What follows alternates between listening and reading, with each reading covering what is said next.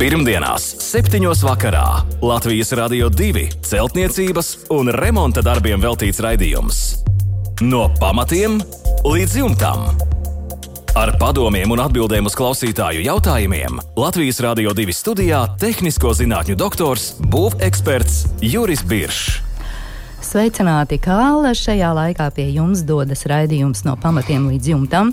Studijā Inese un Juris Biršs, tehnisko zinātņu doktors, būveksperts, ir gatavs atbildēt uz jūsu iesūtītajiem jautājumiem un sniegt vērtīgus padomus. Labvakar, Birškungs! Labvakar! Raidījuma sākumā gan atgādināšu klausītājiem mūsu e-pasta adresi, uz kuru varat iesūtīt savus jautājumus, pievienot fototēlus un jau pēc nedēļas vai divām noteikti saņemsit savu atbildi. Remonts at LR2.CLV. Jautājums varat iesūtīt arī izmantojot mūsu Latvijas Rādio 2 mājaslapu un jau noklausīties izskanējušos raidījumus savās iecienītākajās podkāstu platformās. Bet tagad gan pie vēstulēm un sāksim ar Andra vēstuli. Andris raksta. Gribētu izbūvēt jumta istabu, lai nepaliktu maza telpa, tad siltināt starp spārēm, ielikt kokšķiedru plāksnes. Liekot plāksni starp spāri un kokšķiedru plāksni, vietām veidojas neliela sprauga. Attēlā šo spraugu var redzēt. Andris ir pievienojis vairākus fotoattēlus. Vai drīkst spraugu nosegt ar koka līsti? Viņš jautā. Vēlos siltināt vai nu ar kokšķiedras vati vai ekovati. Un vēl viens jautājums, ar ko atšķiras šīs vates, cik biezam jābūt siltumizolācijas slānim. Jumta slīpums 45 grādi, jumta slīpnes pīrāgs ir šāds. Skrūvēts metāla dakstiņš, veidināma gaisa sprauga, difūzijas membrāna, veidināma gaisa sprauga, kokšķiedras plāksnes, siltumizolācija, rīģipsis vai kokšķiedras plāksnes. Abas spraugas ir vēdināmas un pievienoti divi fotoattēli. Lūdzu, jūsu komentārs, Birša kungs. Jā, nu, foto ir ļoti labi nofotografēta, viss ir skaidrs un saprotams. Man arī viss tas atbildot uz pirmo daļu, vai drīkst, vai drīkst nosegt šo spraugu. Jā, viņu drīkst tāda, ja mēs atstājam šādas konstrukcijas, šo siltinājumu, tad mēs drīkstam to darīt. Tas arī jādara. Vienkārši tāda sprauga palikt tur nedrīkst. Tas viss ir pareizi. Tālāk man ir aizrādījums, kad mums Jā, vēl jautājums ir, ar ko siltinātā kokšķiedes vati vai ekovati. Un ar ko tās atšķiras? Nu, atšķirā, atšķirība ir diezgan nu, tāda nosacīti, diezgan liela atšķirība. Ja teiksim, ekovate ir plucināts avīžu papīrs, attīrīts avīžu papīrs, kuram tiek pievienot 20% borskāps un boraka maizījums. Tad koka, atvainojos, ekova, jā, tas bija par ekovātu, un koku šķiedras vate. Tā nu, ir vienkārši jau daudz rupjāk smalcināts koks, ja, kuram ir šķiedrs, koks šķiedrs. Un praktiski viņi izgatavo tāpat kā papīru, kā gatavo. Ir slapja pulpa, kur satur ūdeni un šīs šķiedras, un viņas uz attiecīgiem sietiem tiek uh, notecinātas. Ja. Un tad tādas viņas, jo viņas ir mīkstas, viņas nav presētas. Tātad viņas šādā veidā, nu, praktiski abi produkti ir koka bāzes produkti, bet, uh, nu, teiksim, teiksim, par, par tādu. Un, un pamatā Latvijā mēs vienmēr saprotam, zem ekovātas tas ir beramā vata un kokšķiedra plāksnes ir kokšķiedra plāksnes, tas ir plākšņu veidu materiāls.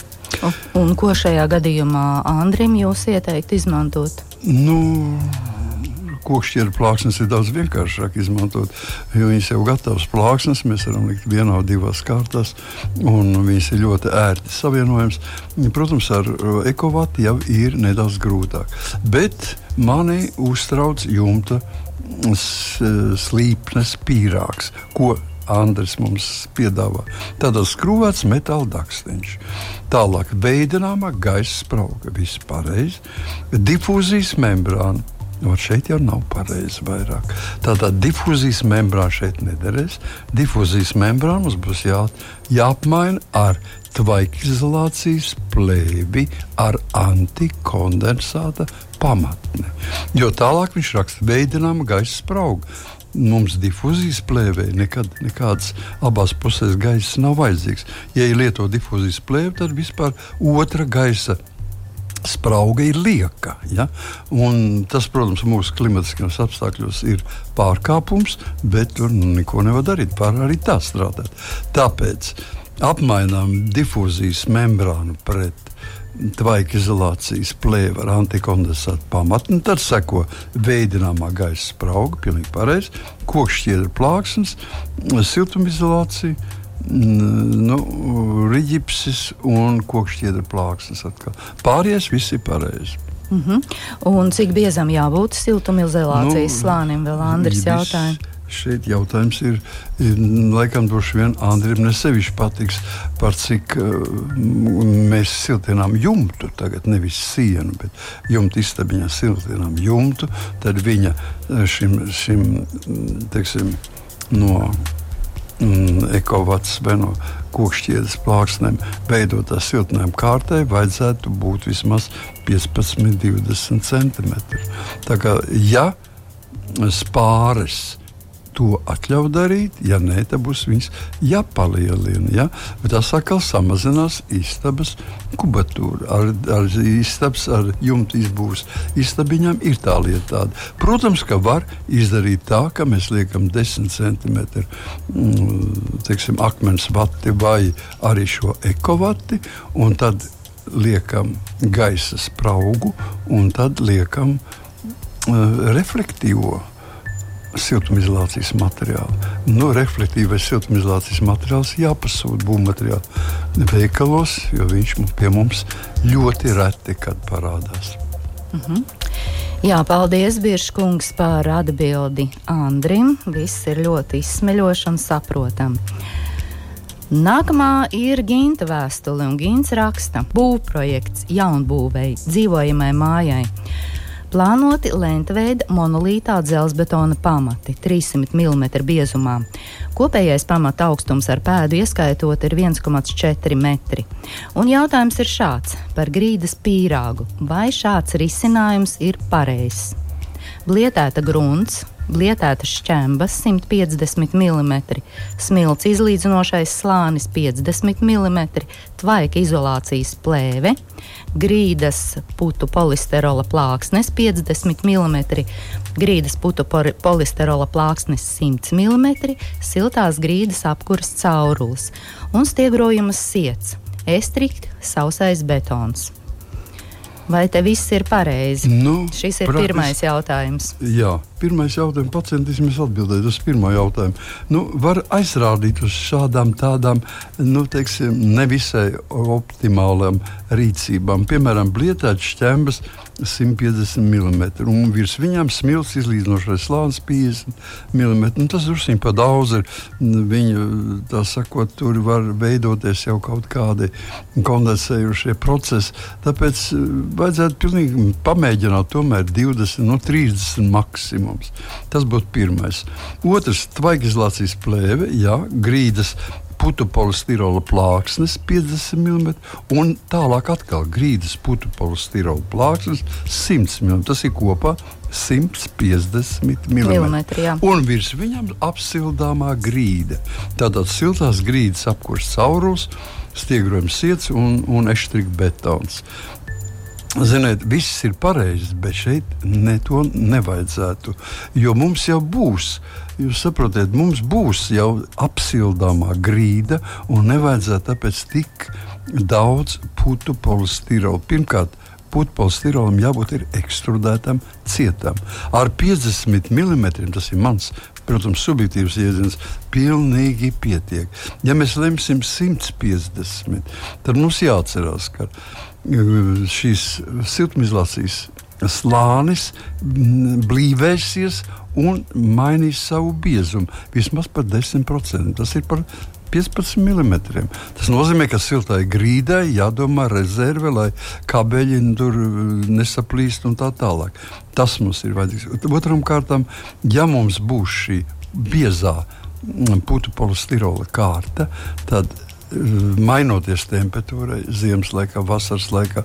Tātad viņa vienkārši nu, lielāks tilpums, mazāks tilpums, un viņi izšūposies. Tā apsildāmā grīda tiks, nu, es, te, es, es tā domāju, nu, pēc diviem, pus trīs gadiem viņa būs jānomaina. Apsildāmā grīda nav tik lēta.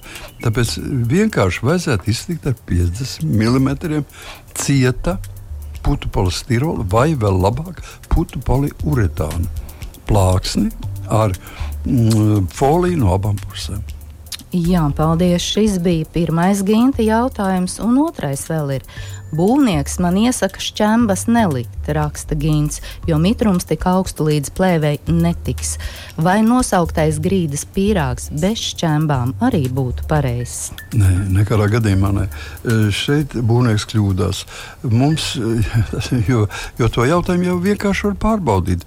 Lai uzliek šis 150 mm smilts slānīti un uzklāja vienu kvadrātmetru noklāja ar vienkāršu polietilēnu plēvi. Un būs mitrums. Un no rīta, lai paskatās, kas tur apakšā būs. Ja? Tādā būs migliņa, būs, būs rasa, vai arī jebkurā gadījumā pat pie pilnīgi liekas sausām smiltīm. Mitrums iet uz augšu. Par to nav saruna. Tāpēc, lai viņš pārietu no piliena veida Mm, pārietu tvaikveidā, mēs viņu pārvēršam. Mm, nu, vat, lūk, šajā, ja, ja par cik pasmiltīm viņš var iet jebkurā augstumā. Pat cēsīs tāpat tas ir kondensāta un ūdens. Kaut gan cēsīs, mm, teiksim, baznīca, cēsīs, baznīcas grīda atrodas Rīgas Pētera baznīcas gaļa. Tā sakot, augstumā. augstumā ja? Tātad ūdens kāp jebkurā augstumā, ja tikai kur uzkāpt. Un smilts ir tā vieta, pašķēmbā netiek. Tur viņš pāri uzsilst un pāriet par tvaiku. Jā, paldies par atbildi Gintam. Nu, redz, tas vēlreiz pierāda to, ka ir vērts pajautāt, atrakstīt, un, un mēs atbildēsim un sniegsim padomu, jo nevienmēr būvniekam ir taisnība. Nu, Diemžēl.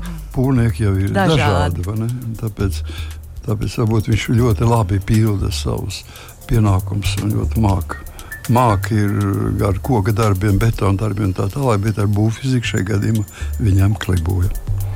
Jā, paldies, Biržkungs! Pirmdienās, 7. vakarā Latvijas Rādio 2 celtniecības un remonta darbiem veltīts raidījums. No pamatiem līdz jumtam. Ar padomiem un atbildēm uz klausītāju jautājumiem Latvijas Rādio 2 studijā - tehnisko zinātņu doktors, būveksperts Juris Biršs. Arī Māra jautājums ir par grīdu. Vai šāds pierāks siltajām grīdām ir pareizs? Izrakta sablietēta grunts, betonēta atbalsta kārta 100 mm, gar pamatiem aplikts 2 cm putuplasts, apmēram 400 mm plats, kas apiet pamatu pakāpi. Uz atbalsta kārtas uzklāta plēve, virs plēves 200 mm ekstrudētais putuplasts, tad stiegrojums siets, pie tā tiks piestiprināts apkurs caurulis un virsū betons apmēram 60 mm. Un tagad ir jautājums par plēvi. Kas zem putuplasta, kur kur tai vajadzētu beigties. Gatavās grīdas līmenī vai pie pamatu horizontālās hidroizolācijas, un vai plēves malas ir kaut kur jāpielīmē, vai virs putekļa vajag vēl vienu plēves kārtu, un foto ir pievienots pielikumā, vai šādi tas varētu izskatīties, jautā Māris. Jā, ļoti labi, ka ir foto, jo es pēc tā teksta sevišķi. Eh, var, tur dažādi var izprast, bet eh, fotografi pilnīgi rāda, ka mums ir, ir eh, siena, tā tad mūrēta siena, un viņas vertikā, vertikālā daļā ir atrodas šis siltumizolācijas materiāls, 2 cm putu plasts. Viņam tikai vajadzētu mazliet liekas, vairāk nosegt horizontālo hidroizolāciju. Tur labi nevar saprast, mēls kaut kas ir, ir, ir smērēts, bet kur tā paša līnija, jo viss tas, tas āķis jau iekšā šai vertikālajai siltumizolācijas materiāla plāksnei ir nosegt no iekšpuses horizontālo hidroizolāciju, kuras sienas materiāls sadurās ar pamatmateriālu. Mhm. Un tālāk tātad viss pārējais ir pilnīgi pareizi. Tagad jautājums ir. Mm, kur uh, jautājums par plēvi, ja, kas Jā. ir zem putu plasta, kur tai vajadzētu beigties? Redziet, kad mēs ieslēdzam to pirmo putu plastu garu vertikāli, gar sienas augšu, pēc tam mums nāk siltumizolācijas materiāli vai, vai, vai, vai tātad šķembas blietēts vai keramzīts, un tad mums nāk virsū plēve. Viņa iet līdz šim vertikālajam siltumizolācijas materiālam, pēc tam palo, lo, locās un iet uz augšu.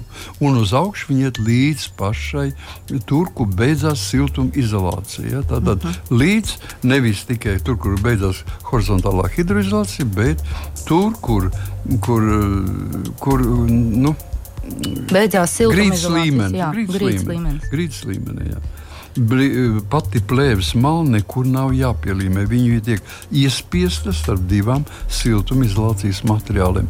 Un šis iespiedums ir pilnīgi pietiekošs, lai viņi tur atrastos. Nu jā, tā kā iepakota. Jā. Un vai virs plasta vajag vēl kādu plēves kārtu? Nē, virs plasta neliekam vairāk.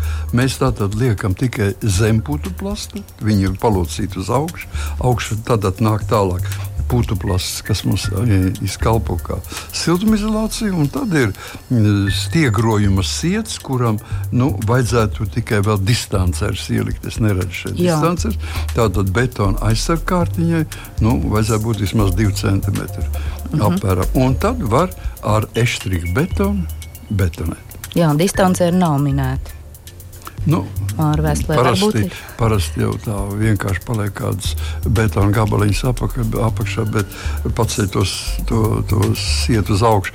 Bet uh, vajadzētu jau plasmas, ir speciāli distance, dažs, dažs santīmus maksā, to jau var atļauties. Bet betons 60 mm ir pietiekams kārta, betona kārta. Jā, 60 mm praktiski ir 60, 70 mm.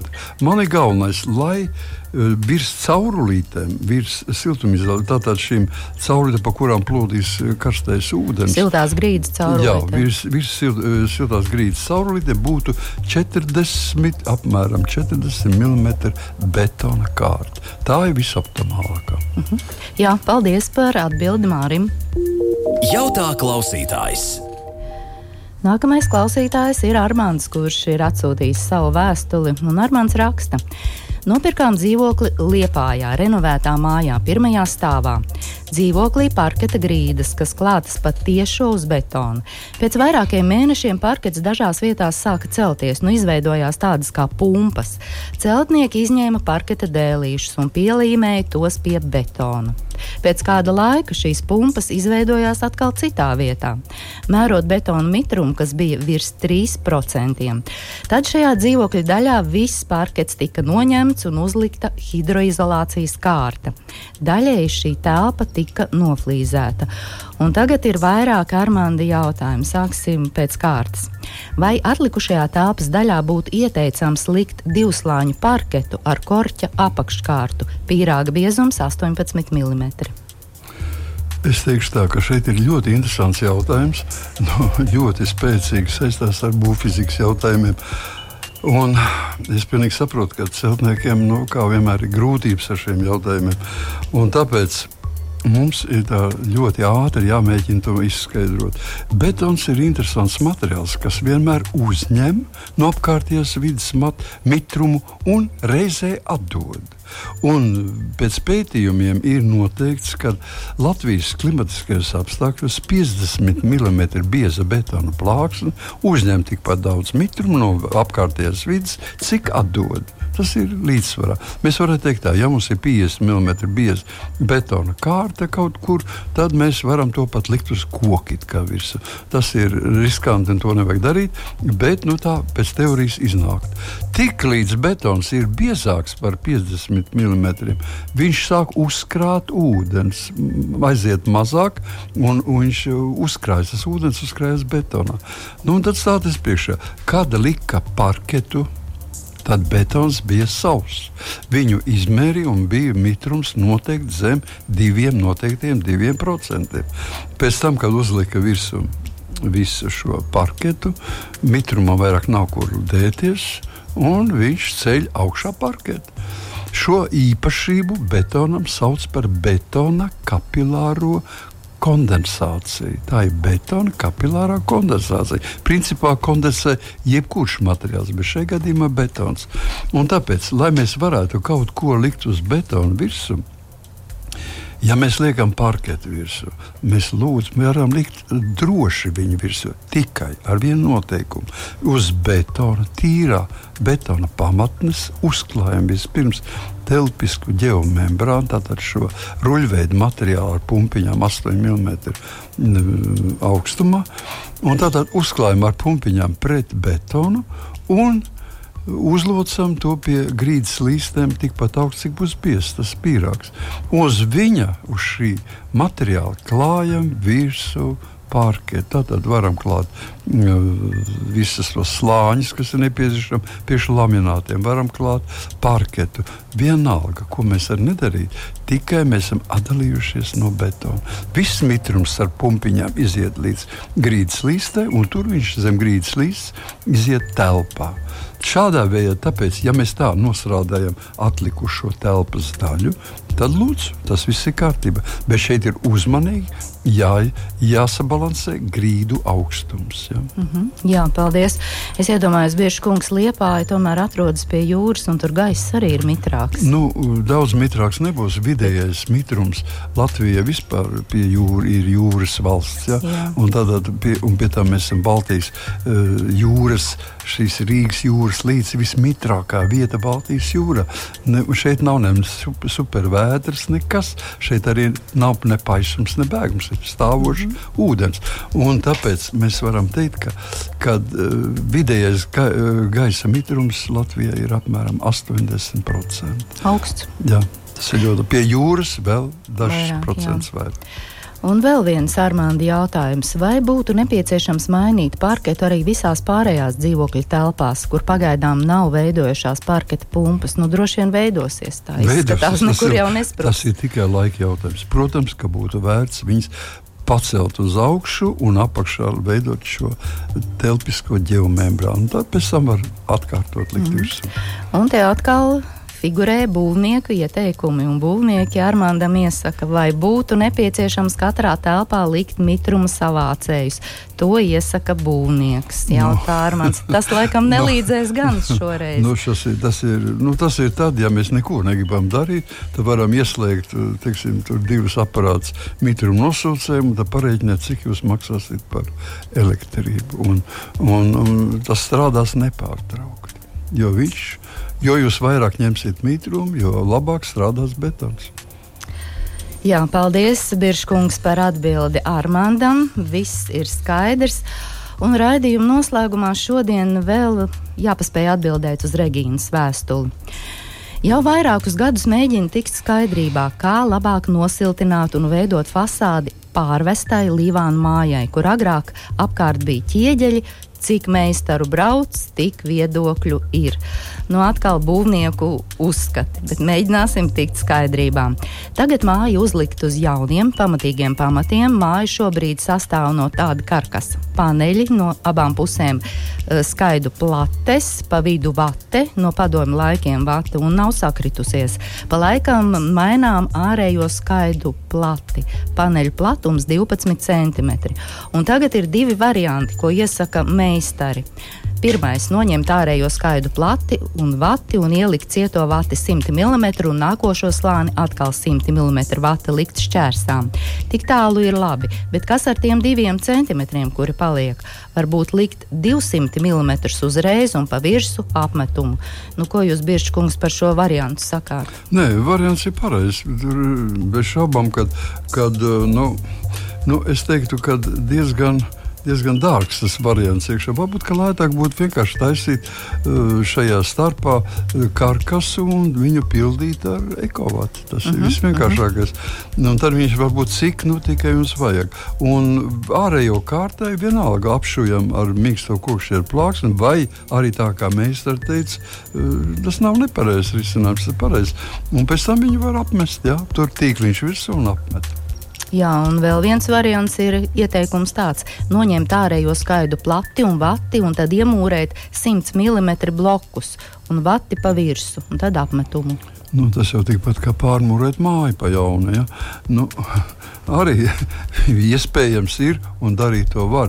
Es pat teiktu, ka kamēr klausījos šos, variantus, man pat ienāca prātā, ka ja jūs neņemtu neko nos, nu, teiksim, lai paliek tas, tā, tas OSB, kā viņš ir bijis, tā lai viņš arī tur ir. Ja matena, matena nav sakritusies, viņi ir papildināti, atstājam to OSB uz OSB, virs OSB, veidojam ar koka, mm, nu, teiksim, tādam, tādam koka nu, kvadrāts, nu, šķērsgazma kvadrāts ar koku tādām, nu, es nevaru pateikt, tas ir vairāk biezāks nekā latas. Un no viņām mēs varētu veidot faktverku, ļoti interesantu zīmējumu, kas ies Galu galā tas koks parādīsies ārpusē. Ja? Un parādīsies dažādi trīs stūri, visādos veidos, kurus var krāsot ļoti dažādi. Jā, jā ir redzēts, mājām. jā, jā, jā, jā, ļoti dažādi. Var. Un viņos, ot, viņus var mierīgi apmest. À, tas būtu jūsu variants. Tas jo, būtu mans variants. Es domāju, rakstu. Es domāju, ka vienkārši tā ēka iegūtu, jo, tur var paprasīt kādam dizainam. Viņš pateiks, kādu tas musturs labāk būtu to koku veidot, un var izveidot tas ļoti skaisti. Ļoti, jā, vizuāli interesanti, jā. jo Regīna arī raksta. Palīdziet uh, tikt skaidrībā, noteikti jums Biržkungs arī ir vēl kāds variants, un tad šis ir jūsu variants. Nu, pieņemsim, ka tas ir mans variants. Jā. Paldies par atbildi Regītai. Šovakar līdz ar to mūsu raidījums ir izskanējis. Vēlreiz atgādināšu e-pasta adresi remonds atlr2.lv. Sūtiet savus jautājumus, pievienojiet fototēlus, klausieties mūsu podkāstu platformās, un mēs jau tiksimies pēc nedēļas. Lai jums šovakar mierīgs vakars! Uz tikšanos! Visu labu! Pirmdienās, 7. vakarā Latvijas Rādio 2 celtniecības un remonta darbiem veltīts raidījums. No pamatiem līdz jumtam. Ar padomiem un atbildēm uz klausītāju jautājumiem Latvijas Rādio 2 studijā - tehnisko zinātņu doktors, būveksperts Juris Biršs.